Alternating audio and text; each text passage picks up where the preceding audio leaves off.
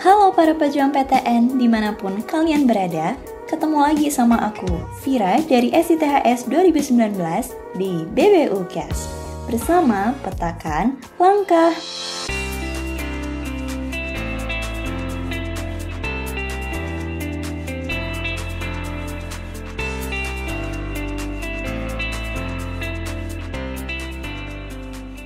Gimana nih kabarnya teman-teman pejuang PTN? Masih pada semangat kan dalam berjuang meraih PTN impian?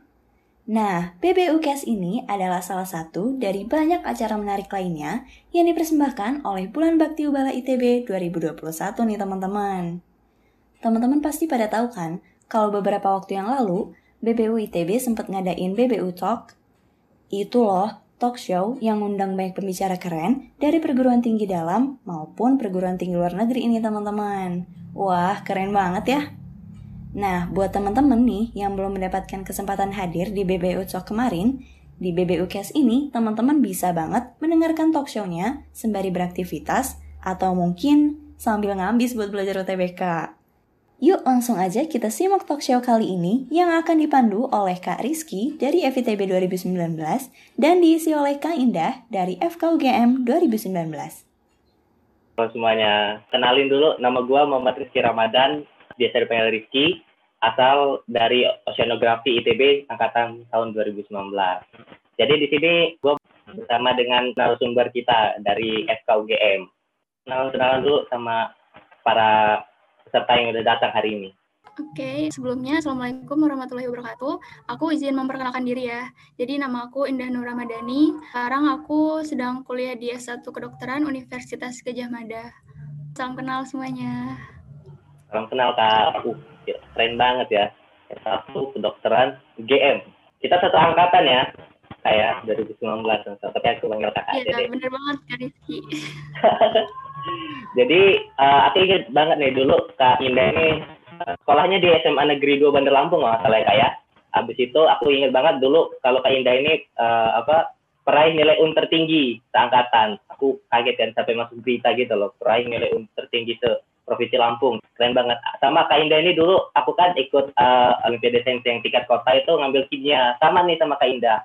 Aku ngeliat kan, uh, siapa sih nomor satu ini? oh ternyata indah habis itu ngeliat provinsi nilai un lagi indah lagi emang benar-benar deh panutan bukan cuma buat adik-adiknya tapi buat pribadi saya sendiri juga panutan sampai ke OSN berarti ini kayak panut banget nah selain di bidang akademik yang menonjol Kak Indah ini juga non akademiknya Iya, uh, menonjol banget kepanitiaan di sini ter, ter, uh, tersantum yaitu Simsa FKUGM sama MSC FKKM KUGM di Simsa FKUGM Kak Indah ini dua kali jadi panitia acara sama satu kali jadi volunteer di acara keseimbangan gizi anak tersayang sama World Diabetes Day sama di volunteer acara Listen yaitu Let's Be Aware of Depression.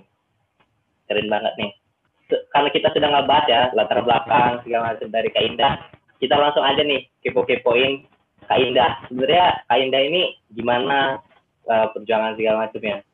Uh, Kak Indah udah bisa jawab ya. Suara saya terdengar jelas gak Kak Indah? Jelas banget kok Rizky. Oke, uh, langsung aja Kak Indah. Sebenarnya aku juga uh, agak ini sih, agak pertama itu keluar pertanyaan, kenapa sih Kak FKUGM gitu? Ada motivasinya nggak? Kenapa harus FKUGM? Oke, okay, uh, aku izin ngejawab ya. Uh, kalau ditanya kenapa pengen sebelumnya kenapa pengen masuk ke dokteran, mungkin aku bisa jawab pertama itu karena jadi dokter itu memang cita-cita aku sejak kecil. Karena terinspirasi dari ibu aku yang memang uh, profesinya itu di bidang kesehatan perawat. Dan cita-cita itu tuh terus bertahan gitu sampai SMA kedua memang di keluarga besar aku juga itu belum ada yang jadi dokter. Nah sebenarnya untuk spesifiknya mau masuk universitas mana itu belum kepikiran. Tadinya mulai kepikirannya itu pas SMP buat masuk UGM uh, karena dengar dari orang-orang gitu kalau UGM itu fakultas kedokterannya katanya bagus dan ter terakreditasi. Dan selain itu juga aku kan memang udah terkenal juga ya Jogja itu katanya emang kota pelajar dan penduduk tempatnya ramah-ramah. Itu juga jadi salah satu alasan aku tertarik buat kuliah di sana. Nah seiring berjalannya waktu uh, tepatnya itu pas udah mulai SMA itu aku sebenarnya mikir-mikir ulang lagi gitu. Kira-kira cita-cita jadi dokter itu udah sesuai belum sih sama passion uh, dan kemampuan aku uh, karena aku tahu gitu untuk jadi dokter itu pasti nggak mudah dan tanggung jawab yang dipegang nantinya itu pun akan besar. Karena bisa dibilang kan berkaitan langsung gitu sama hidup dan nyawa orang. Ya walaupun nyawa itu kan sebenarnya tetap di tangan Tuhan tapi ibaratnya uh, dokter itu sebagai perantaranya gitu Nah, tapi aku yakin seberat apa pun suatu pekerjaan itu as long as sejalan sama passion kalian dan memang uh, keinginan dari diri kalian sendiri, itu pasti bak kalian tuh bakal terus termotivasi gitu dan semangat buat mau uh, tertekan lakuinnya. Dan terakhir uh, sama lah kayak orang lain, aku pengen ilmu aku nantinya tuh bisa bermanfaat juga baik buat diri aku sendiri, buat keluarga dan tentunya buat orang lain. Dan sebenarnya semua profesi itu pastinya tuh sama-sama ngasih manfaat sih buat orang lain. Tapi balik lagi, aku ngerasa uh, dokter ini emang profesi yang paling sesuai sama minat dan bakat aku. Nah, jadi uh, mungkin aku mau ngasih sedikit pesan ya buat teman-teman di sini uh, dalam milih jurusan nanti itu sebaiknya emang pastiin kalian pilih itu karena memang dari keinginan kalian sendiri dan dapat restu dari orang tua juga tentunya. Dan jangan sekali-kali ngikut temen atau sekedar buat gengsi aja gitu pengen masuk kampus yang terkenal dan sebagainya. Karena nantinya yang ngejalanin kuliah itu kan kalian sendiri juga. Nah, karena dan ada satu statement nih yang aku dapat, yang aku dengar waktu masa ospek di UGM itu uh, kalau bukan kampus besar yang membuat mahasiswanya tuh hebat, tapi mahasiswa hebat yang membuat kampus itu jadi besar dan akhirnya tuh bisa dikenal banyak orang. Gitu. Mantap bener ya barusan itu yang terakhirnya ya. Aku lihat setuju banget sih kak masalah tentang passion untuk cari jurusan itu seperti yang kita bahas-bahas sebelumnya. Kalau misalkan emang kurang passionnya itu sebaiknya dihindari aja ya seperti itu ya kak Indah ya. Uh, selanjutnya sih aku mau nanya lagi. Uh, ya, kan Kak Indah ini ke dokter UGM-nya lulus lewat jalur apa Kak? Kalau boleh tahu. Aku kemarin jalur SBMPTN Ki. Hmm, lewat jalur SBMPTN. Nah, ini kan yang biasanya pertanyaan utama lah setiap uh, anak-anak SMA nanya. Gimana sih uh, perjuangan kakak selama mau ngejar FKUGM ini. Habis itu tips and triknya gimana cara lolos SBMPTN. Apalagi kalau uh, pendaftaran UGM itu kan kalau untuk angkatan kita itu daya tampungnya cuma 79 orang, sedangkan peminat tahun lalunya itu ada 444 orang dari data yang aku cari di internet. Nah, kira-kira gimana tuh caranya Kak Indah supaya bisa lolos dengan perbandingan satu banding uh, sekitar satu banding 80-an lah itu? Ya, Uh, Oke, okay. jadi mungkin agak panjang ya kalau mau diceritain semuanya, tapi ini aku ceritain secara garis besar ya aja ya. Nah, jadi benar aku masuk kedokteran itu jalur SBMPTN. Nah, jadi mungkin perjalanannya itu mulai dari kelas 12, pasti sama lah kayak anak-anak SMA sekarang yang dipikirin itu udah mulai mau masuk jurusan apa ya, universitas apa ya, pilihannya satu, pilihan satunya apa, pilihan duanya apa, pasti yang dipikirin itu kan. Nah, di situ aku pas SNMPTN itu aku banyak minta masukan dari orang-orang terdekat aku, dari keluarga, dari guru di sekolah maupun bimbel. Dan waktu itu SNMPTN aku ngisinya bukan FKUGM, tapi FK Unpad sama FK UNS dan ternyata hasilnya itu aku belum lulus. Dan manusiawi ya, pasti kalau ngeliat pengumuman kayak gitu nggak lulus pasti ya merasa down. Dan waktu itu sempat sedikit berdampak juga ke mood belajar aku jadi motivasi belajar aku ya sempat turun karena nggak lulus SNMP, SNMPTN itu. Padahal posisinya waktu itu di tahun aku uh, pengumuman SNMPTN sama ujian nasional itu jaraknya cuma sekitar uh, dua minggu gitu. Jadi memang deketan banget. Dan cara aku ngebangkitin lagi semangat belajarnya itu ya dengan ingat tujuan awal aku sih sama cita-cita aku dari kecil itu.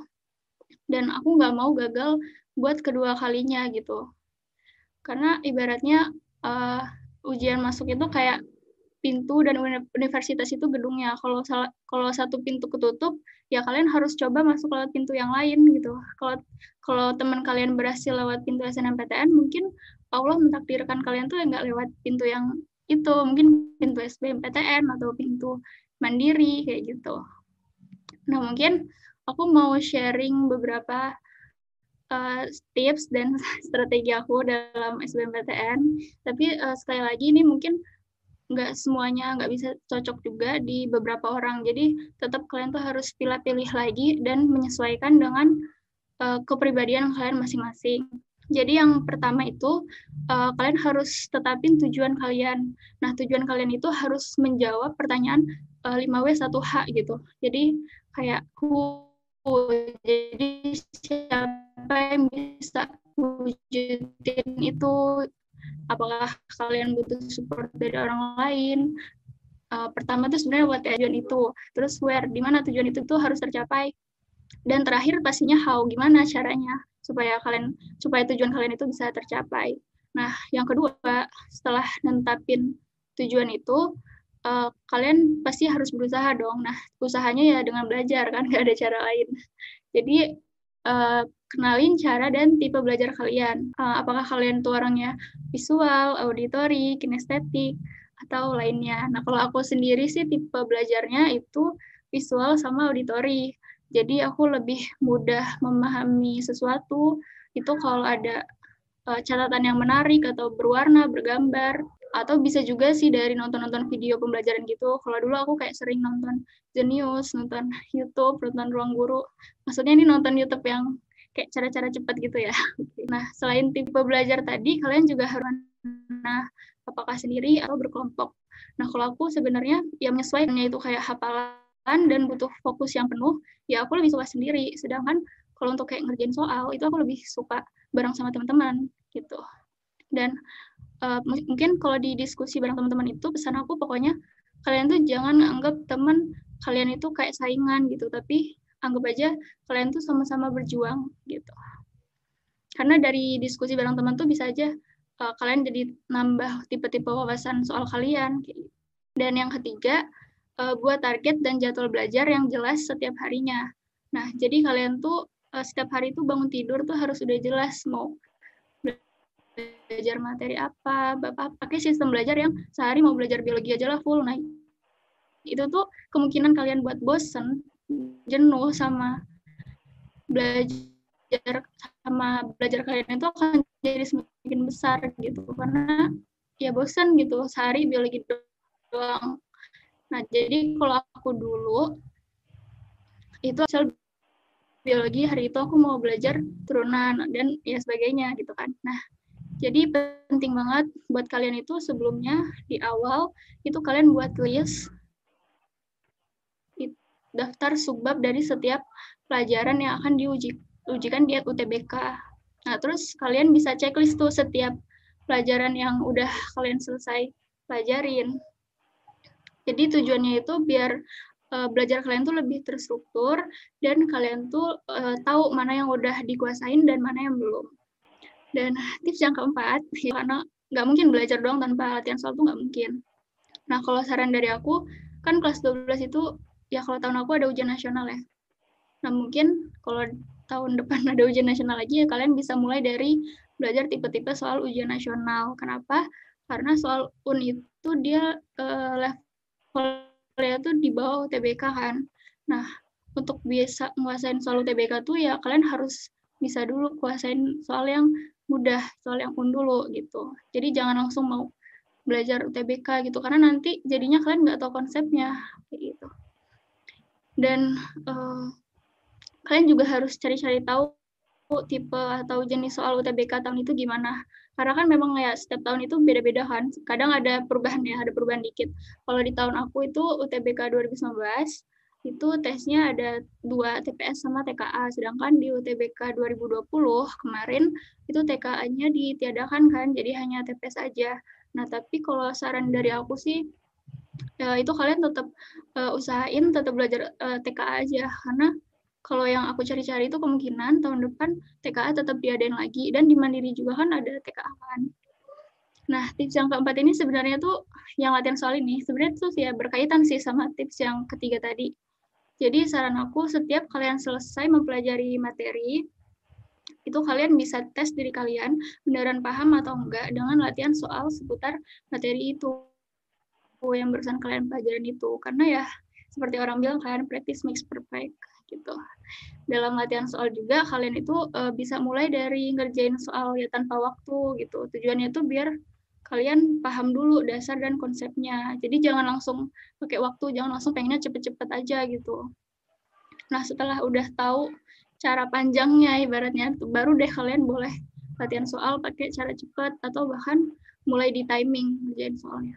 Kayak gitu. Dan tips yang terakhir dari aku itu uh, kalian ngelakuin simulasi UTBK. Nah, maksudnya simulasi UTBK ini jadi ya kalian tuh mengerjakan soal, tapi bukan lagi ngerjain per materi atau per mapel, tapi udah langsung semua mapel yang nantinya itu akan diujikan dan uh, dengan urutan sama lokasi waktu itu sesuai sama ujian nanti. Nah, misal kalian mulai dari TPS ya, nah itu diurutin aja ngerjainnya, penalaran umum, pemahaman bacaan dan menulis, pengetahuan uh, dan pemahaman umum, kuantitatif, dan lanjut ke TKA kayak gitu. Jadi tujuannya itu biar kalian uh, semakin terbiasa dalam mengatur kecepatan kalian ngerjain soal demi soal. Nah, simulasi UTBK ini sebenarnya bisa kalian lakuin sendiri di rumah dengan coba ngerjain-ngerjain soal tahun lalu atau bisa juga dengan sering-sering ikut uh, tryout online atau offline kayak gitu. Kalau dulu tryout online yang sering aku kerjain kayak tryout yang Jenius, masuk kampus, eduka kayak gitu. Kalau offline ya ikutin-ikutin aja tuh tryout dari misal dari UI, dari ITB, dari UGM, dari Unpad dan lain-lain. Nah sebenarnya uh, dan yang paling penting lagi kebanyakan ini dilupain ya. Jadi kayak kebanyakan orang tuh berusaha terlalu maksimal tapi lupa gitu sama kapasitas diri sendiri. Akhirnya uh, kayak lupa waktu istirahat, lupa tidur gitu. Padahal uh, waktu tidur yang cukup itu penting banget. Kenapa? Karena materi yang kalian pelajarin itu, itu kan awalnya cuma jadi memori jangka pendek. Dan pasti kalian semua maunya memori atau ingatan kalian itu bertahan lama dong.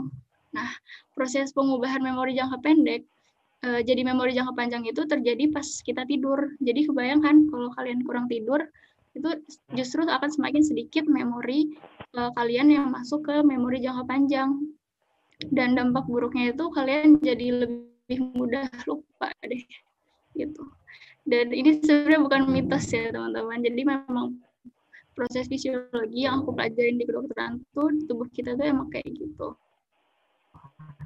Dan terakhir ya juga dengan doa dan restu orang tua. Karena balik lagi manusia itu kan cuma bisa berusaha hasil itu tetap Tuhan yang berkehendak kayak gitu Oke, keren, keren, keren, keren. Jadi ada pandangan baru lagi, bukan cuma buat adik-adik sekalian, saya juga nambah ilmu baru nih. Masalah barusan, tetapi tujuan terlebih dahulu, ya kan Kak Indah? Habis itu kalau misalkan tujuan ini gunanya apa, supaya kalau misalkan ya, lagi demotivasi gitu ya Kak Indah ya, wah sering banget nih kita ini kayak, oh udah usaha, kok hasilnya kayak gini. Nah, ingat lagi tujuannya lagi ya. Kayak kalau di kaos-kaos itu kan ada when you feel like quitting gitu. Think about why you start it gitu. Ketika udah ngerasa udahlah udahan aja berjuangin ini. Think pikir lagi gitu. Kata Kak Indah kan kenapa kita mau memulai ini? Terus tetapin target juga bahasanya Kak Indah targetnya berapa hari ini harus belajar gimana? Gitu ya. Iya. dan ada bahasan lagi simulasi ya kak ya. Untuk siapin atmosfernya UTBK nanti supaya nggak gugup.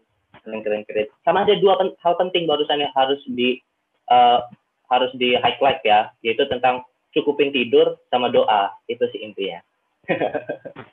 Kalau kita nggak tidur nanti sayang ilmunya mubazir. Ya, bener banget, Rizky. Terus aku mau ya. nanya lagi, kan barusan Beratnya ya sia aja gitu. Iya, iya betul banget. Uh, barusan kan Kak Indah udah ngebawa-bawain tentang materi perkuliahannya tuh tentang barusan tentang fisiologis manusia.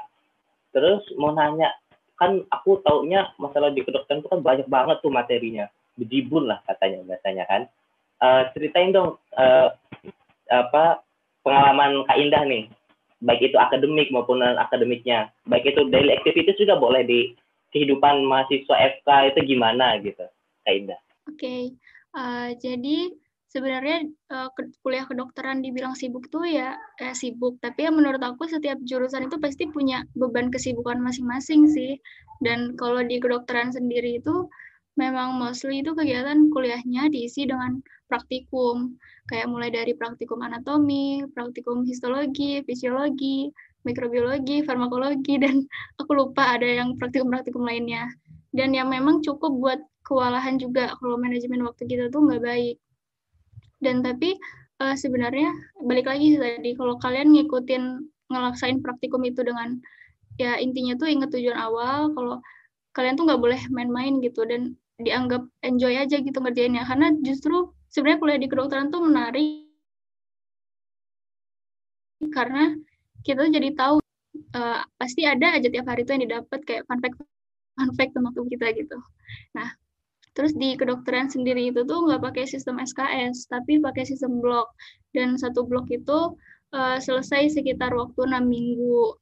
Nah, selain dan udah ya tadi itu sisi akademik. Nah, selain kesibukan sisi dia sisi akademik, aku tuh uh, mungkin ngisi waktu itu dengan beberapa kegiatan kepanitiaan.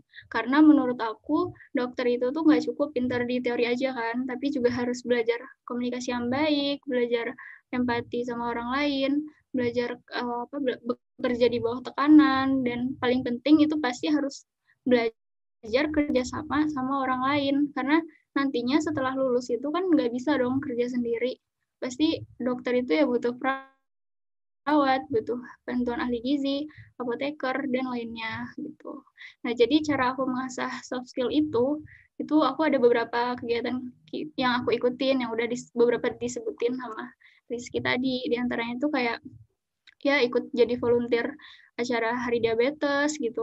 Jadi kayak aku belajar ber, cara berhadapan langsung dengan orang lain, dan juga yang paling penting tuh ya itu sih tadi belajar memahami perasaan orang lain dan nunjukin empati ke orang lain gitu. Wah, keren banget ternyata ya. Walaupun akademiknya rame, tetap masih bisa ngolah waktu di bagian non akademiknya. Nah, bosnya kan aku dengarnya ada sekitar 5 sampai 6 praktikum kalau nggak salah ya. Aku juga sebagai mahasiswa juga ngerasa kayak praktikum ini uh, banyak banget kadang susah mau apa ngolah waktunya kadang juga mau ngerjain praktikum tapi kita harus belajar materi kuliah supaya itu nah mau nanya aja kak gimana sih caranya manajemen waktu menurut kakak itu yang baik gimana menurut kak Indah supaya bisa uh, tetap seimbang lah baik itu akademik maupun non akademiknya oke okay. jadi uh, mungkin aku mau sharing beberapa cara manajemen waktu versi aku ya. Nah, mungkin uh, bisa kalian ambil beberapa yang kira-kira sesuai sama diri kalian gitu. Jadi uh, secara sekali lagi ini belum tentu sesuai ya sama semua orang. Jadi yang pertama itu aku biasa tuh buat study planner atau to-do list kayak gitu. Nah, kalau aku biasanya buatnya itu per minggu. Per minggu. Jadi jadwal yang aku buat per minggu itu masih kayak jadwal secara garis besarnya itu secara garis besarnya aja sih belum detail-detail apa yang mau aku kerjain. Nah jadwalnya itu coba deh kalian pajang di tempat yang uh, mudah kalian lihat gitu. Nah jadi misal kalian rebahan gitu, terus nggak sengaja melihat jadwal jadwal yang dipajang itu, nah nanti jadi kepikiran terus gara-gara kepikiran jadi tergerak gitu mau nyicil belajar atau nyicil ngerjain tugas kayak gitu. Dan saran aku dalam buat jadwal itu uh, kalian harus uh, ngikutin bisa ngikutin metode SMART. Nah, SMART itu apa aja? Jadi uh, yang pertama itu harus uh, jelas gitu atau apa tujuan yang pengen kalian capai, apa ngabisin satu bab, apa ngabisin setengah bab kayak gitu harus spesifik. Nah, terus yang kedua itu measurable. Nah, artinya itu harus bisa diukur. Nah, kalau aku ngukur belajar aku tuh kira-kira udah cukup apa belum sih gitu. Itu dengan ngerjain soal tadi. Misal dari 10 soal aku udah bisa ngerjain 70%-nya atau berarti 7 soalnya berarti ya aku ngerasa udah lumayan nih belajar aku kayak gitu. Jadi bisa diukur. Terus yang ketiga tuh achievable, jadi bisa tercapai. Jadi nggak usah netapin tujuan yang terlalu sulit, terlalu besar. Lebih baik netapin tujuan yang kecil-kecil dan sedikit, tapi terlaksanakan daripada banyak, tapi ternyata cuma dikit yang bisa terlaksana. Terus uh, yang keempat itu ya harus realistis juga. Jadi jangan buat tujuan yang di luar kapasitas kalian. Misal kalian mau ngabisin 40 PPT kuliah dalam sehari kan gak mungkin juga gitu kan. Nah itu harus kalian tuh harus tahu namanya manusia itu kan pasti punya limit juga gitu. Jadi jangan jangan lupa juga untuk uh, istirahat, untuk mid time dan lain-lain. Dan terakhir tuh ya timely. Jadi kalian harus tahu uh, tujuan kalian tuh uh, spesifiknya tuh pengen dicapai kapan gitu. Misal tugas A harus selesai maksimal banget tuh jam 10. Jadi kalian tuh lebih terpacu kalau dari jam 9 belum selesai itu kalian lebih terpacu buat cepet-cepet nyelesain gitu. Dan uh, yang kedua tadi selain buat jadwal itu buat prioritas. Nah kendala mahasiswa tuh ya aku termasuk aku itu pasti karena tertekan sama tugas, karena laporan yang banyak kan. Nah jadi biar gak ada tugas yang terbengkalai ya kalian kalau aku personal itu ngerjain tugas yang deadline-nya lebih dekat dan uh, lebih mudah dulu. Dan yang terakhir dan yang paling penting itu jangan suka menunda pekerjaan. Kenapa? Karena kebanyakan orang itu paling susah tuh untuk memulai kan. Paling susah tuh untuk mulai. Nah, kalau dari aku sendiri tuh misal lagi mager gitu. Nah, aku coba aja dikit atau dikit baca-baca dikit atau ngerjain sesuatu. Misal baca PDF dari HP gitu.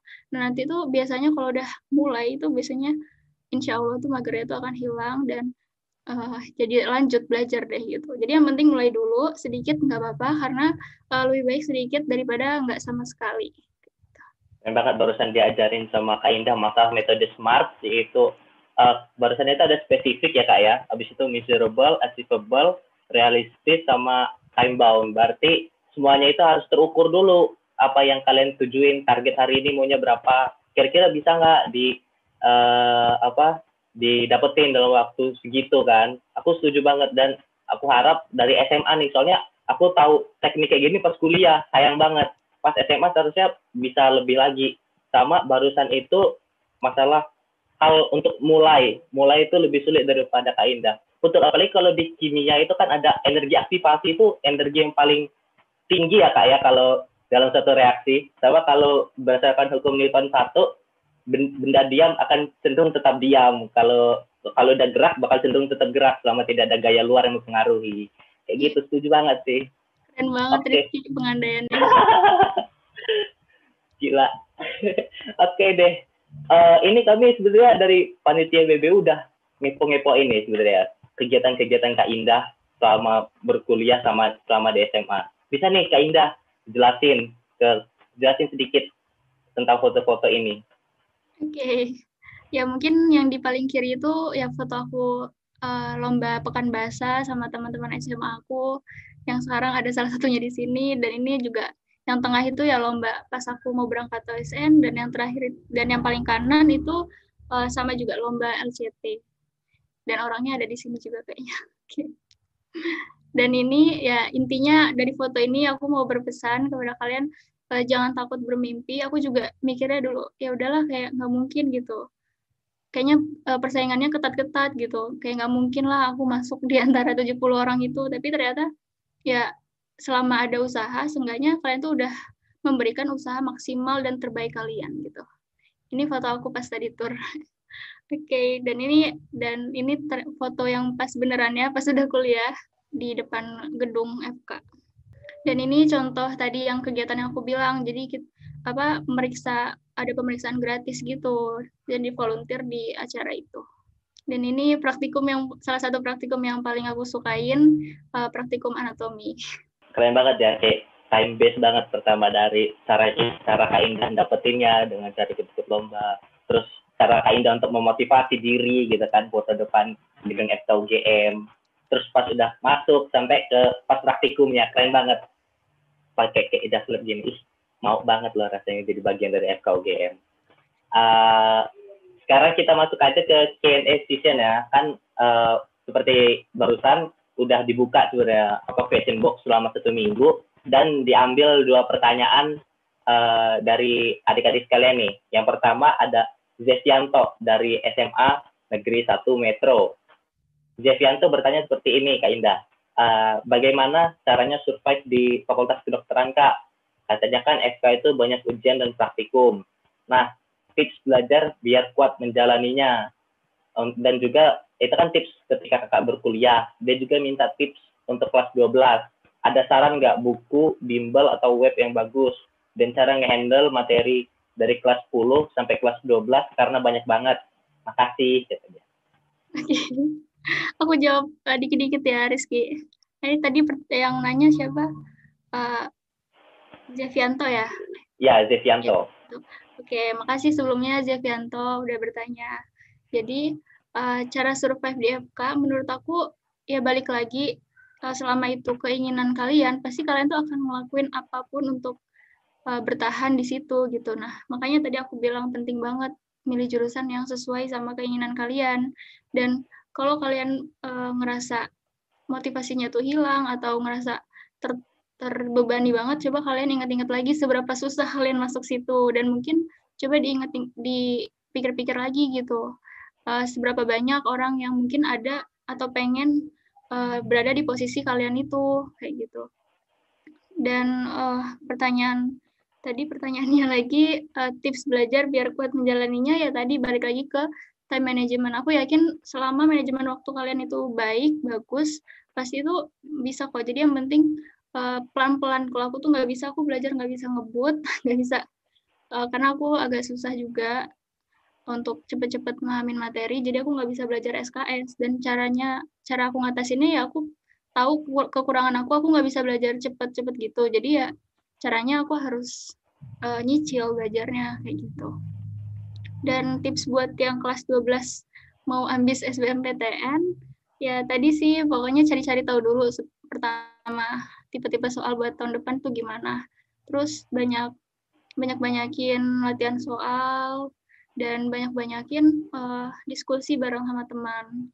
Dan ya memang sih uh, untuk kelas 12 itu pasti kalian harus uh, ada pengorbanan berupa kayak ngurangin waktu belajar ngurangin ngurangin waktu main kalian ngurangin waktu main HP kayak gitu. Tapi itu akan jadi kenangan indah yang justru kalian tuh pasti akan seneng gitu. Pas nanti kalian udah berhasil itu justru akan jadi kenangan yang nggak akan kalian lupain gitu. Masa-masa ambis masa-masa capek banget belajar itu.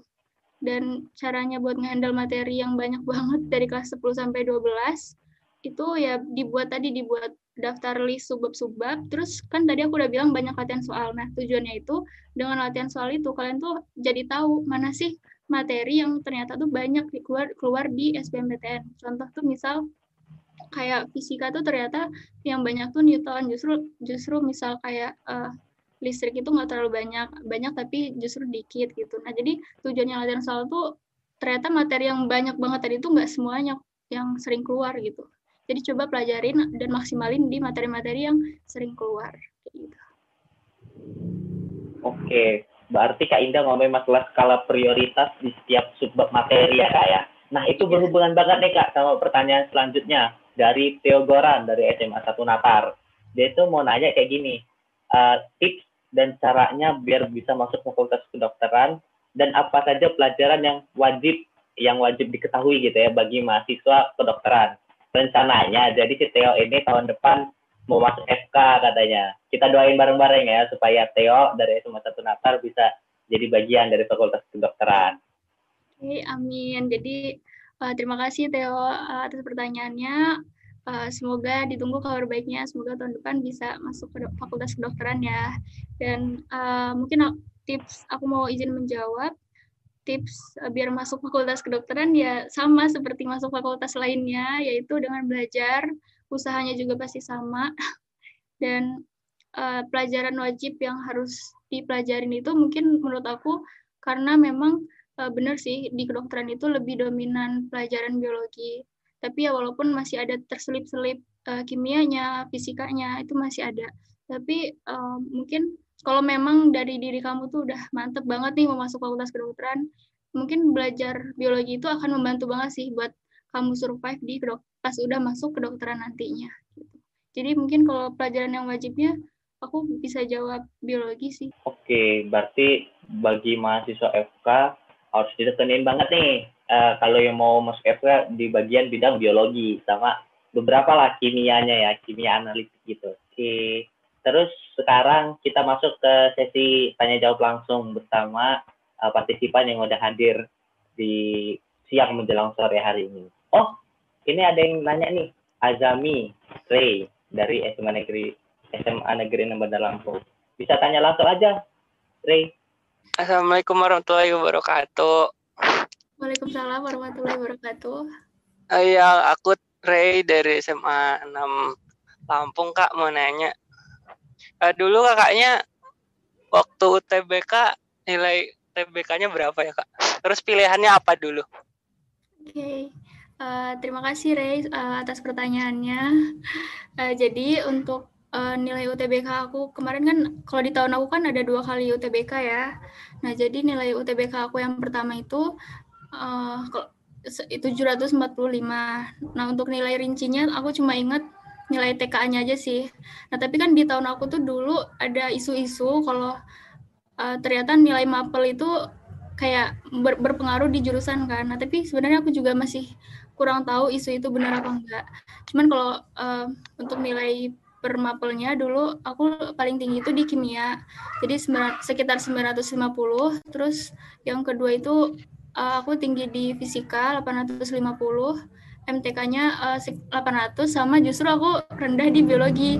Biologi 600 aku juga nggak ngerti sih. Karena mungkin di tahun aku itu ada indeks butir soal gitu loh. Jadi mungkin uh, banyak yang jawab benar, justru nilai yang didapat itu justru semakin kecil kayak gitu. Dan untuk UTBK yang kedua, mungkin ada pengaruh juga sih di yang indeks nilai per butir itu.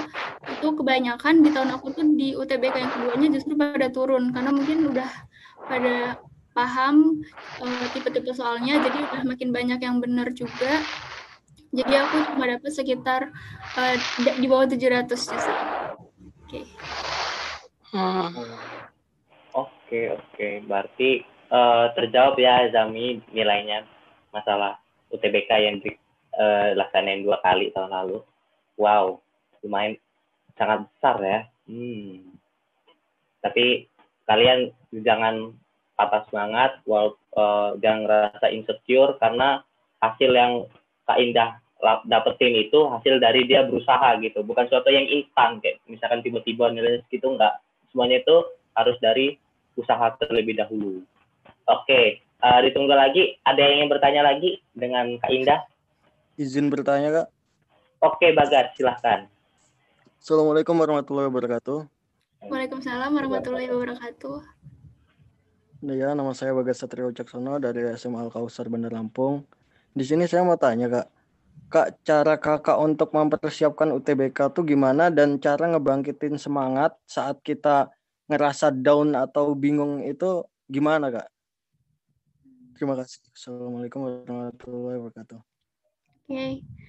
uh, eh, mungkin pertama yang cara aku apa tadi cara aku ngebangkitin semangat ya cara ya pasti kita tuh harus belajar harus semangat dulu karena cara aku ngebangkitin semangat belajar itu pertama karena aku udah pernah gagal yaitu gagal di SNMPTN dan justru kegagalan itu kayak jadi buat aku makin bisa dibilang makin ambis gitu atau makin semangat. Jadi kenapa? Karena ya nggak mau kan nggak mau gagal buat kedua kalinya. Terus inget juga kalau uh, apa namanya nggak ada sesuatu yang instan nggak ada apalagi masuk kuliah itu semua orang beratusan ribu orang itu pengen masuk. Dan mungkin jurusan kalian tuh bahkan ada ratusan atau ribuan orang yang pengen masuk.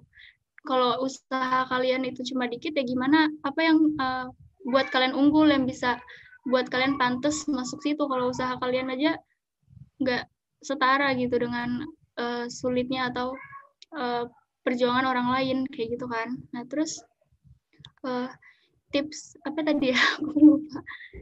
Cara belajar kakak untuk mempersiapkan UTBK. Oke, okay.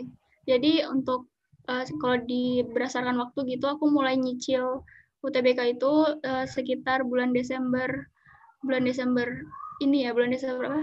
Kelas 12 bulan Desember pas liburan itu. Nah, jadi buat kalian nih kalau bisa dimulai nanti pas liburan Desember nanti. Jadi kalau dari aku sih itu aku mulai belajar TPS pertama karena aku rasa TPS ini merupakan salah satu yang penting juga ya di UTBK dan lebih ter, lebih mudah dicapai gitu ibaratnya kan karena nggak terlalu bikin pusing kan. Nah terus uh, udah masuk-masuk mendekati uh, eh, UTBK itu aku ya tadi mulai nyicil-nyicil materi yang TKA-nya. Nah untuk TKA sendiri aku fokusin di apa yang aku uh, udah kuat. Misal aku kuat di MTK, eh di kimia, maaf di kimia berarti aku lebih kuatin lagi di kimia. Dan aku harus uh, dan kalian tuh harus tahu gitu kekurangan kalian di mana. Misal kalian kurang di biologi berarti harus maksimalin juga di biologi itu belajarnya berarti harus lebih kuat. Dan uh, mungkin saran aku ya tadi itu sih balik lagi banyak banyakin latihan soal dan banyak banyakin ikut tryout yang ibaratnya tuh memposisikan kalian seolah-olah lagi UTBK. Kayak dulu aku tuh membantu banget sih banyak ikut hampir semua tryout universitas itu aku ikutin. Jadi seolah-olah jadi udah terbiasa gitu sama deg-degannya, sama paniknya ada berapa soal yang udah yang belum dikerjain tapi waktu udah mau habis.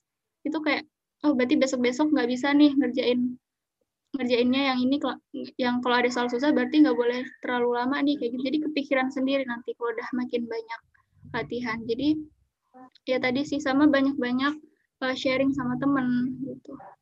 Terima kasih banyak kak. Sama-sama. Sebenarnya terjawab sekali ya barusannya pertanyaan Bagas masalah tentang bagaimana cara menyikapi kegagalan barusannya Kak Indah ya. Seperti anak panah ya, anak panah melesat jauh apabila ditarik jauh ke belakang gitu dari kegagalan-kegagalan tersebut. Ya, Rizky jago banget nih buat pengandaian. Benar-benar. Mantap banget itu kayaknya. Mungkin ada pertanyaan selanjutnya? Atau mau kepo-kepo aja nih sama Kak Indah. Uh, masalah barusan yang pertanyaan aku sebutin pertama barusan tentang uh, kehidupan mahasiswa di Jogja apalagi untuk khususnya anak-anak Lampung ya di Jogja itu gimana? Jadi culture shock gak gitu? Oke, nah untuk culture shock itu kalau ditanya aku ngalamin enggak pasti yang ngalamin. Cuman kalau ditanya signifikan atau enggak uh, aku nggak terlalu ngalamin culture shock itu sih. Karena uh, jadi di untuk UGM sendiri tuh ya sama ada perkumpulan mahasiswa Lampungnya gitu Gajah Lampung. Di situ aku bareng-bareng adaptasi ya sama mereka. Terus selain itu uh, banyak-banyakin tuh temen dari berbagai daerah yang sama-sama perantau juga. Jadi ya saling tuker uh, misal saling tuker uh, curhat apa yang kalian rasain. Terus banyak banyakin juga temen yang emang asli dari daerah itu. Misal kalau aku kan uh, Jogja nah terus aku kayak gak usah malu tuh tanya-tanya sama temen yang emang asli orang Jogja gimana sih uh, Jogja itu bahasanya yang bagus tuh gimana? Kayak gitu. Karena ternyata kalau di Lampung sendiri tuh kan misal ngomong pakai intonasi tinggi itu terbiasa gitu kan dianggap-anggap sopan-sopan aja. Nah tapi ternyata di Jogja itu dianggap kurang sopan kayak gitu. Terus ya banyak aku belajar kayak ternyata di Jogja itu nunjukin arah tuh bukan belok kanan belok kiri tapi pakai arah mata angin. Yang patokannya itu sama uh, sama gunung apa aku lupa juga sih. Oh. ya kayak gitu. Pokoknya banyak sih hal-hal baru yang aku pelajarin. Oke oke oke. Yang ngulon ngalor ngin apa sih yang itu yang mata angin pakai Jawa ya? Hurufnya yeah. N dua. Aku tahu banget itu Uh, Oke, okay, mungkin gak ada yang mau bertanya lagi uh, untuk sesi kali ini. Uh, kira-kira Kak Indah ada nggak uh, beberapa sepatah dua patah kata lah untuk bekal adik-adik semua ini? Yeah, iya. Sebuah closing statement. Ya, menurut aku intinya uh, usaha yang hasil yang akan kalian dapat nanti itu sejalan atau seimbang sama usaha yang kalian berikan. Jadi nggak ada sesuatu yang instan. Belajar itu ibaratnya kayak mengulang ya semakin kalau kalian lupa ya diulang. Kalau lupa lagi diulang. Dan terus kayak gitu. Jadi eh, nggak uh, usah minder. Misal udah belajar keras banget tapi kok tetap nggak ngerti-ngerti tetap nggak bisa-bisa. Karena yang namanya belajar itu mengulang dan nggak instan kayak gitu. Oke oke oke. Setuju banget. Semua itu ada prosesnya ya. Mungkin cukup segini aja. Sama aku juga mau mengapresiasi banget kehadiran Kak Indah pada siang menjelang sore ini karena sudah menyisikan waktunya untuk sesi sharing-sharing ini. Gimana nih teman-teman? Pastinya semakin termotivasi dong untuk berjuang meraih PTN impian kalian. Nah, tapi kita harus berpisah dulu untuk sementara waktu. Oleh karena itu, nantikan BBUKS episode selanjutnya dan jangan lupa pantengin terus media sosial kami untuk tahu informasi terkini dari BBU ITB 2021. Karena gak lama lagi bakalan ada main event BBU yang pastinya banyak mata acara yang super duper keren. Pasti gak mau ketinggalan kan? Aku Vira, pamit undur diri dan tetap semangat semuanya. BBU Cast, bersama petakan langkah.